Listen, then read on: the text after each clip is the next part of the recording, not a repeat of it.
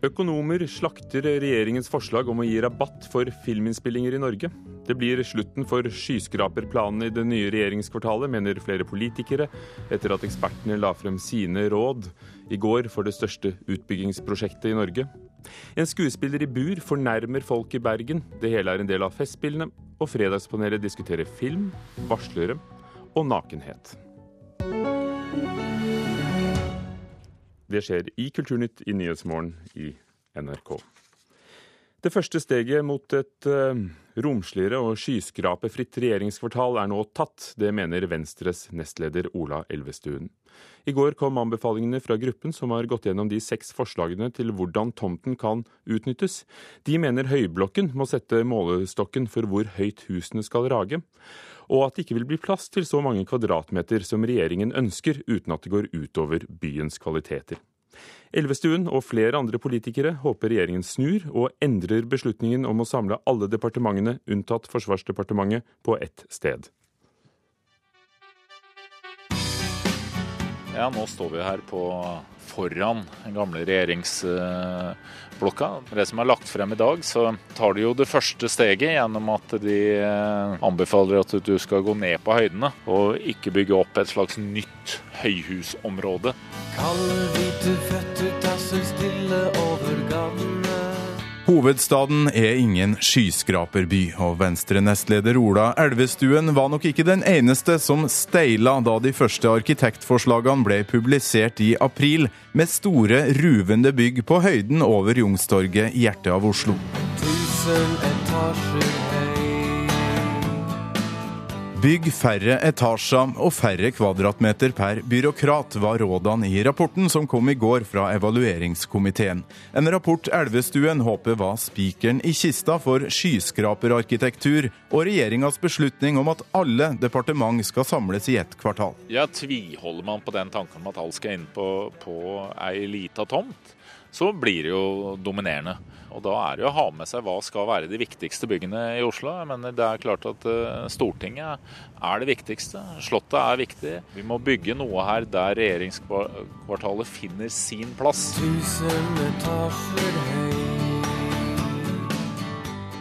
Hvis de ikke skal bygge høyere enn Høyblokka, så er det veldig vanskelig å presse alle departementene sammen på denne samme tomta her. Leder i Oslo Arbeiderparti, Jan Bøhler, tror også at det nå blir vanskelig for regjeringa å holde på sin beslutning om en samlokalisering rundt Høyblokka. Jeg håper at vi kan få eh, nytenking nå, før eh, den statlige reguleringsplanen lages til neste år. Også Arbeiderpartiets ordførerkandidat i Oslo, Tone Tellevik Dahl, sier til NRK at regjeringa bør forkaste beslutninga om samlokalisert regjering. Høyres byråd i Oslo, Stian Berge Røsland, vil ikke gå så langt, men håper regjeringa nå tar kritikken med seg inn i arbeidet med reguleringsplan, som skal være ferdig til neste år. Fra Oslo kommunes side så deler vi nok langt på vei en del av de bekymringene som eh, ekspertkomiteen kom med. Både høyder og omfang og volum eh, har nok vi stilt oss noe spørrende til. Reporter var Torkil Thorsvik, og så hørte vi også DumDum Boys og sangen 'Tusen etasjer høy'. Vi kontaktet selvfølgelig Kommunaldepartementet for en kommentar, og de viste til statssekretær Paul Chaffey, som tidligere i uken uttalte at det er viktig med alle innspill, så han synes det ser ut til at vi skal få en god diskusjon om dette.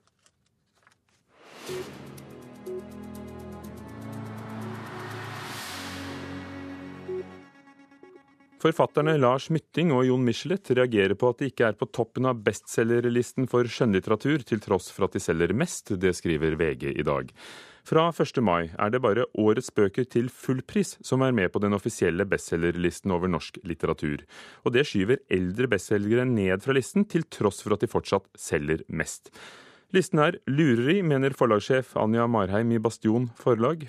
Bokhandlerforeningen sier til VG at de ønsker å vise salget av nye bøker. Her på stranda sag og høvleri, her er vi 14 mann. Vi sager og vi høvler vi, gran og bjørsk og hikori. Stokka som er grop og grann. Og høvler, høvler, rabler, hurra, hurra for høvleri. I går avlyste Livestock-festivalen en konsert med artistene Hans Rotmo og bandet Vømelguttan, som vi hørte her, ifølge Adresseavisen. Tidligere i uken ble også et annet konsertoppdrag avlyst for Hans Rotmo. Det skjer etter et kontroversielt utsagn fra artisten til Trønderavisa, der han bl.a. sa at muslimene er en miljøforurensning i Europa. og Rotmo har senere beklaget ordlyden. Terje Eidsvåg, kommentator i Adresseavisen, du skriver i en kronikk i dag at eh, noe godt er kommet ut av diskusjonen.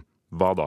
Eh, for det første så har, det jo dukka opp en, eh, en, eh, ny og viktig stemme, eller en motstemme fra Verdalen. Sånn at den litt sånn aldrende, sure fjøsnissen Hans Rotmo som han er i ferd med å bli, ikke, ikke råder grunnen alene i denne diskusjonen. Jeg tenker selvsagt på 20-årige Fatima, som, som virkelig har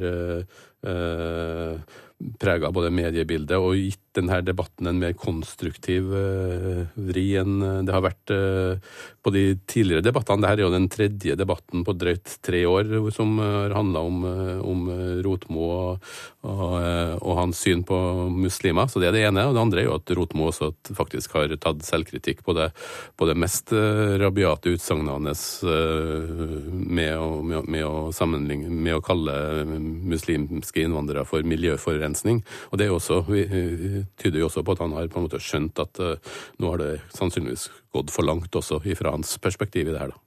Og Fatima Almanea er altså en 20 år gammel kvinne fra Irak som først svarte han på sin blogg, siden har hun vært både i avisen og på Aktuelt på, på TV. Jeg er verdaling på lik linje med deg, sa hun, og hun sa til oss at hun setter pris på Rotmos beklagelse. Det er, er veldig fint, og det skal en mann til for å se at man har tatt feil. Eh, og det har Rotmo gjort. Og Da tenker jeg at da må vi være i stand til å tilgi. Og NRK har forsøkt å få kontakt med Hans Rotmo, men han er ifølge manageren i Frankrike og vil ikke ta telefonen. Uh, Terje Eidsvåg, hva handler disse debattene om? Du sier det er den tredje på fire år? Uh, det handler Alle handler De to, de to første var, sprang ut av at Rotmo presenterte nye sanger under sitt satiriske nye bandkonsept Trossetrua, hvor han i bl.a. enen sammenligna muslimer og innvandrere med lopper og lus. Den gangen her så er det et intervju i anledning Vømmølfestivalen Rotmofestivalen, som jo er en feiring i Verdal eh, av Rotmo-universet. Eh, eh, men det ser ut som om Rotmo på sine, på sine eldre dager har blitt nesten monomant opptatt av å, av å diskutere innvandring i Norge, og også med et litt sånn nostalgisk perspektiv. Og det er jo ikke bare innvandrere han trekker frem som et problem i Norge, han trekker jo også f.eks. frem p-piller som, som, et uh, alvorlig trussel mot, eh, mot, det norske samfunnet. og Det, det her tyder på at uh, Rotmo som samfunnsdebattant kanskje egentlig får enda mer plass enn den relevansen han har i dag fortjener. og Derfor er det så, så bra at det kommer stemmer fra, fra, det nye Norge og Norge i dag, som, som, som Fatima, og gir en motvekt. Og, som jo også sier at det er helt legitimt å diskutere et politisk spørsmål som innvandring? Nettopp. Og i dag så har jo Adresseavisen en meningsmåling etter den saken her, hvor det viser seg at det er bare 10 eh, som til sammen til sammen er enten helt eller delvis enig med Rotmos uh, karakteristikk og utfall mot innvandrere. sånn at uh, det styrker jo bare argumentet for at Rotmo blir mindre og mindre relevant som samfunnsdebattant. Takk skal du ha, Terje Eidsvåg i Adresseavisen. Vi har altså prøvd å få tak i, i Rotmo som ikke, ikke kunne stille. Du kan holde pusten og sitte der litt til, for du blir med i Fredagspanelet om litt her i Kulturnytt.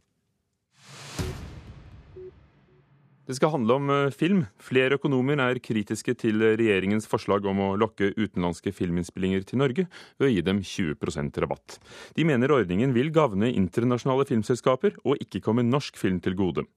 Analyseselskapet Oslo Economics hadde motforestillinger mot støtten allerede for ett år siden, da de overleverte en utredning om det som kalles insentivordning til kulturministeren. Det er tvilsomt at ordningen er et godt kulturpolitisk tiltak. Det er i hvert fall ingen som har hevdet. Og vi er også veldig usikre på om dette er et godt næringspolitisk eh, tiltak. Det sier Ove Skaug Halsås, som er samfunnsøkonom i Oslo Economics. Han reagerer på at regjeringa ikke har tatt hensyn til motforestillingene som kom fram i rapporten han overleverte til kulturministeren for et år siden. Altså, det er ikke et godt kulturpolitisk tiltak, fordi eh, det ikke blir lagd bedre film av, eh, av denne ordningen. Altså, det kan tiltrekke seg mer film, men eh, den er på ingen måte innrettet for å lage bedre film. Grunnen til at mange vil innføre en insentivordning, er for å lokke flere filminnspillinger til Norge. Island, som allerede har ordninga, har kapra filmproduksjoner som James Bond, Die Another Day. Mange i filmbransjen jubla derfor da kulturminister Toril Vidvei la fram filmmeldinga, og annonserte at også Norge vil gi insentiver til filmproduksjoner fra neste år. I praksis vil det si at staten tilbakebetaler deler av utgiftene filmproduksjonen har under innspillinga i Norge. Men også sjefsøkonom i IKT Norge og tidligere statssekretær i Finansdepartementet for SV, Roger Skjerva, er kritisk til om det her vil lønne seg. Å støtte utenlandsk filmindustri høres ut som en enorm sløsing med penger. Å gjøre det i håp om at de skal vise litt fjord og fjell. Det fins helt sikkert mye billigere måter å markedsføre Norge på enn å gjøre det via utenlandsk eh, filmindustri. Slik det ser ut i dag, vil ordninga bli lagt under Kulturdepartementet, og ikke under Finans- eller Nærings- og fiskeridepartementet, slik mange hadde trodd. Både Skjerva og Halsos mener det er et tegn på at regjeringa sjøl tviler på den økonomiske gevinsten ordninga har. Jeg tolker det at ordninga er blitt lagt under Kulturdepartementet som at regjeringen ikke har kjøpt argumentet om at dette er bra for næringslivet eller bra for norsk økonomi, men at de ser på dette som en avgrensa kulturpolitisk sak som det også er grunn til å stille spørsmålstegn ved om vil ha effekt, men, men, det er i hvert fall bra de ikke har kjøpt argumentet om at dette er bra for norsk økonomi. Og jeg vil minne om at bare i fjor så var det fire land i Europa som valgte å innføre en insentivordning. Det sier statssekretær i Kulturdepartementet, Bjørgulv Vinje Borgundvåg. Han viser også til en større europeisk studie av insentivordninga som viser at åtte av de ni landene som ble undersøkt, har hatt mer verdiskapning enn utgifter som følge av ordninga. Altså, I eh, rapportene som Oslo Economic skrev til departementet, så anbefalte de den islandske ordningen dersom man skulle velge å innføre en insentivordning. Videre så skriver de at eh, dersom det er et politisk ønske, så vil en insentivordning være et effektivt virkemiddel for å styrke film- og TV-produksjon i Norge. Statssekretær Bjørgulf Vinje Borgenvåg til slutt. Reporter var Åsta Hoem Hagen, som vi hørte i innslaget, og Katrine Elnan. Kvart over åtte du hører på Nyhetsmorgen i NRK. De viktigste sakene i dag. Mammografiundersøkelser har ført til at mellom 20 og 30% færre dør av brystkreft. Et samarbeid mellom nødetatene og Vegvesenet om å inndra førerkort i Møre og Romsdal har spart mange liv. Datahackere har tatt kontroll over persondata som tilhører minst fire millioner amerikanske statsansatte. Etterforskere beskylder Kina for å stå bak. Og her i Kulturnytt fortsetter vi på Torgallmenningen i Bergen. Festspillene i Bergen ønsker å stikke i folks dårlige samvittighet. Derfor har de satt en skuespiller i et bur. Og han skal forsøke å fornærme de som går forbi. Det skal stå en skuespiller på toppen der og provosere. Mann i gaten. Så skal det bli forbanna.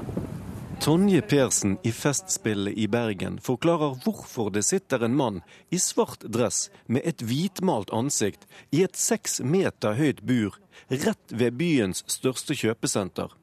Han skal mobbe folk som går forbi, provosere dem, til de begynner å krangle med ham. Jeg skal. Jeg skal. Så langt er kanskje det mest provoserende ved denne scenen den sterke, kalde vinden og trussel om høstregn i juni. Dessuten bedyrer Festspillsjefen Anders Beyer dette skal være provokasjoner med en tanke bak. Noen diskusjoner som vi syns er en lille smule ubehagelige å ta fatt på noen tabuemner. Hvorfor er det tiggere der sitter rundt i denne by som er så rik? Hvorfor, hvorfor kler vi oss i, i tøy som, uh, som er produsert av barn som sitter i India osv. osv. Oh. Oh. Hvor lenge tror du du hadde overlevd i naturen da, på egen hånd? Jeg vet ikke. Jeg har ikke lyst til å prøve heller. Folk begynner å flokke seg rundt buret. For 20 kroner kan de kaste en baseballball på en blink. Treffer de blinken, faller skuespilleren to meter rett ned. Tre baller for ti. Detter du hvis han treffer deg? Kan du si hva du heter? Adrian Skoglund. Jeg syns det er ganske morsomt, egentlig. Det han sitter og prøver å få folk til å um, gjøre det her, og så skaffer han penger. Men jeg syns det er ganske morsomt. Tanken er å stikke i din og min dårlige samvittighet. For kjøpefesten vår, for manglende interesse for miljø eller for de fattige. Og tanken kommer fra teaterprovokatøren bak Anders Behring Breivik-stykket Manifest 2083 for noen år siden. Christian Lollicke. Dypest sett så har jeg jo bare alltid vært fascinert av, av den fulle mann på gaten som uh, fortalte sannheter og uh, angrep folk. Og til slutt så er det publikum som vinner. Ja, jeg vil faen meg ha han ned hvis jeg hadde hatt ti kroner. Jeg har bare kort. Så jeg bare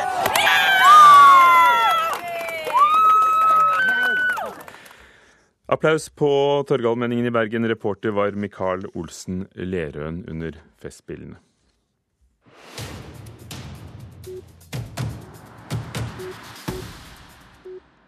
Fredagspanelet er samlet i Kulturnytt, og jeg minner med en gang om at det kan du også høre på podkast hvis du må løpe fra denne sendingen av en eller annen uforståelig grunn. Velkommen, Aksel Helstenius, manusforfatter.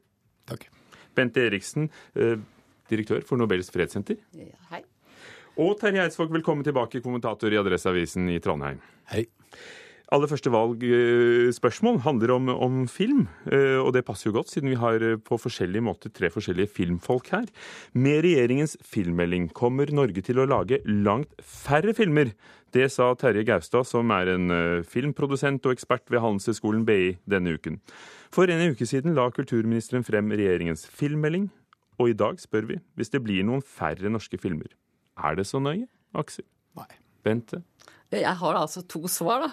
Eh. Og det er om vi snakker om filmer Eh, Men her avkreves du ett først. Ja og Nei. Terje. Ja. Eh, hvor- Hvorfor er det, er det virkelig mengden og ikke kvaliteten det kommer an på, Terje? Eh, Det henger litt sammen. Det var jo to spørsmål egentlig som ble stilt her. Eh, Denne denne Terje Gaustad sa langt færre, mens du sa noen færre. Om det blir et par færre, er det, er nok ikke så nøye. Men hvis man skal lykkes i det feltet her med å få frem eh, eh, jevnlig et par store, brede filmer, og kanskje også noen spisse, ambisiøse, eh, så må det et volum til for at man skal få frem topper både når det gjelder den, eh, både den kunstneriske og den kommersielle delen av, av norsk film. Så må det et volum til hvis man skal eh, jevnlig produsere eh, de toppene som eh, de, vi alle vil ha. Ja, men altså, eh, Det som er viktig, tror jeg er at vi snakker vi om eh, de filmene som eh, uten det som heter forhåndsstøtte, så er jo svaret nei, det er virkelig ikke så forferdelig nøye om det blir litt færre filmer. Men hvis vi snakker nettopp om de kunstneriske filmene, de som får forhåndsstøtte, og at forhåndsstøtten blir mindre, ja, da er det faktisk veldig nøye, altså. Mener du at det ikke lages kunstneriske filmer som ikke får støtte? Mm, ja, hva sa du nå? Eh, At de filmene som ikke får støtte, de kan ikke være kunstneriske? Nei, det er ikke det jeg sier, men vi vet jo at eh, Jeg er en av de få i dette landet som har sett de 34 filmene som ble laget hvert år de to siste årene. Og det er helt klart at noen av dem behøvde ikke ha vært laget. Og noen av dem hadde ikke høy kunstnerisk verdi. Ja, jeg svarte jo nei, og, men jeg mener jo at vi skal fortsette å lage drama på film eller TV. Og Jeg ser ikke så veldig stor forskjell på det. Jeg ser jo bare at ting endrer seg. Det er færre folk som går på kino for å se såkalt smale filmer. Og det har det vel egentlig alltid vært. Kanskje det går liksom litt... Har det alltid vært færre folk? Nei, alltid vært færre folk som ser smale filmer enn brede filmer. Altså, film, film er jo et massemedium. Starta som istedenfor sterke menn på, på sirkus. Så fikk vi filmen etter hvert. Så det har jo vært et underholdningsmedium. Selvfølgelig også noe annet. Og nå er vi nede i en bølgedal. Det er alt streames, og folk sitter hjemme og ser både smale og brede filmer. Han går mindre på kino, så jeg tror det regulerer en god del av det som blir produsert. For at Du kan ikke fortsette å produsere filmer for 1000 mennesker. Det kan du bare ikke gjøre. Så det vil regulere seg selv, uansett om vi har Arbeiderpartiet på toppen eller Høyre på toppen. Ja, det tror jeg vi er helt enige Ja, om. det- Men det- at, Unnskyld? Kast deg på, Terje. Ja, det er, det, det er vel ingen som er uenig om, men et annet trekk er jo at de filmene som, som, som går og går godt på kino, koster mer og mer. Eh, Så det ergo så hvis du skal få det eh, Det må være en kritisk masse. Eh, Jeg tror ingen av oss, eller noen i Norge, egentlig vil se på det som et, et stort tap om det blir noen få, noen færre filmer, men, men når utviklinga går mot også at de filmene som i alle fall gjør det godt på kino, koster mer og mer å lage, eh, så, så, så må, det en, eh, må det en kritisk masse til for at eh, du skal få frem både kvalitet og, og bredde i, i norsk film. Men det er, mange, det er mange måter å få erfaring på. Nå var det Bentes tur. Også. Ja, det var akkurat det jeg også skulle si. Det handler jo ikke bare om det vi snakker om, men det handler jo faktisk også om at folk må få lov å lage film oftere, for da blir de ofte gode til å lage film. Og i dette landet så har vi så utrolig Vi vinner verdensmesterskapet i debutfilmer. Eh, Og, og, og det er vel eh, ikke så ille Hvis de ikke får støtte, spiller det ikke noen rolle om de, eh, de lager filmene sine, nå. Eh, selv om du kanskje ikke alltid liker dem? Siden du sa det var viktig hvilke filmer som vi går glipp av eventuelt. Nei, men jeg tenker at Det er viktig at folk får lov å lage film og prøve seg, både på de kommersielle filmene, men film er jo faktisk også en kunstart. da. Men nå må vi snakke om Snowden. Det er ikke bare sterke menn. Apropos sterke menn. Neste spørsmål. Den amerikanske varsleren Edward Snowden får Bjørnsonprisen for 2015. Noen mener han er en viktig ytringsfrihetsforkjemper. Andre sier han har satt menneskers liv i fare og gjort terroristers jobb lettere. Bør regjeringen tillate at Snowden kommer? Eh, han bor i dag i eksil i Russland.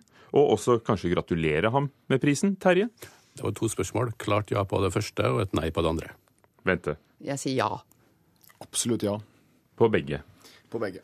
Eh, Der igjen, Terje, hvorfor er du nyansert på at han bør komme, men de behøver ikke gratulere ham? Ja, hvis, hvis regjeringen skulle gratulere alle som får en pris i Norge, så, så ville de vel ikke rekke stort annet. Eh, og eh, da vil man jo bli det gratulasjonsbyrået som, eh, som mange beskylder mange norske institusjoner for å være. Eh, og hvis vi ser på de tidligere vinnere av Bjørnsonprisen, jeg vet ikke om, om Ola Larsmo eller Einar Mar Gudmundsen eller eh, Yasar Kemal fikk noen gratulasjoner av regjeringen når de fikk den. Jeg synes det mye viktigere å, å, å sørge for at han eh, kan komme til Norge, eh, enn at regjeringa skal stille seg i, et slags gratulasjonstog i en pris som jo eh, er delt ut av en, av en helt uavhengig institusjon. Ja, jeg er selvfølgelig helt enig i at den gratulasjonen betyr jo ingenting. Det som er kjempespennende her, er om man klarer å komme. Og det handler jo om da hvis det er sånn som jeg tror, at amerikanerne sitter og dikterer norsk innenriks- og utenrikspolitikk, i hvert fall utenrikspolitikk, og sitter og sier at han får ikke lov å komme, for da får ikke dere jagerfly av oss, og da kommer ikke vi og hjelper dere med krig og sånne ting. Det, mener. Ja, det er ikke så farlig med det. Men altså, det mener jeg, det er jo det som er det alvorlige her.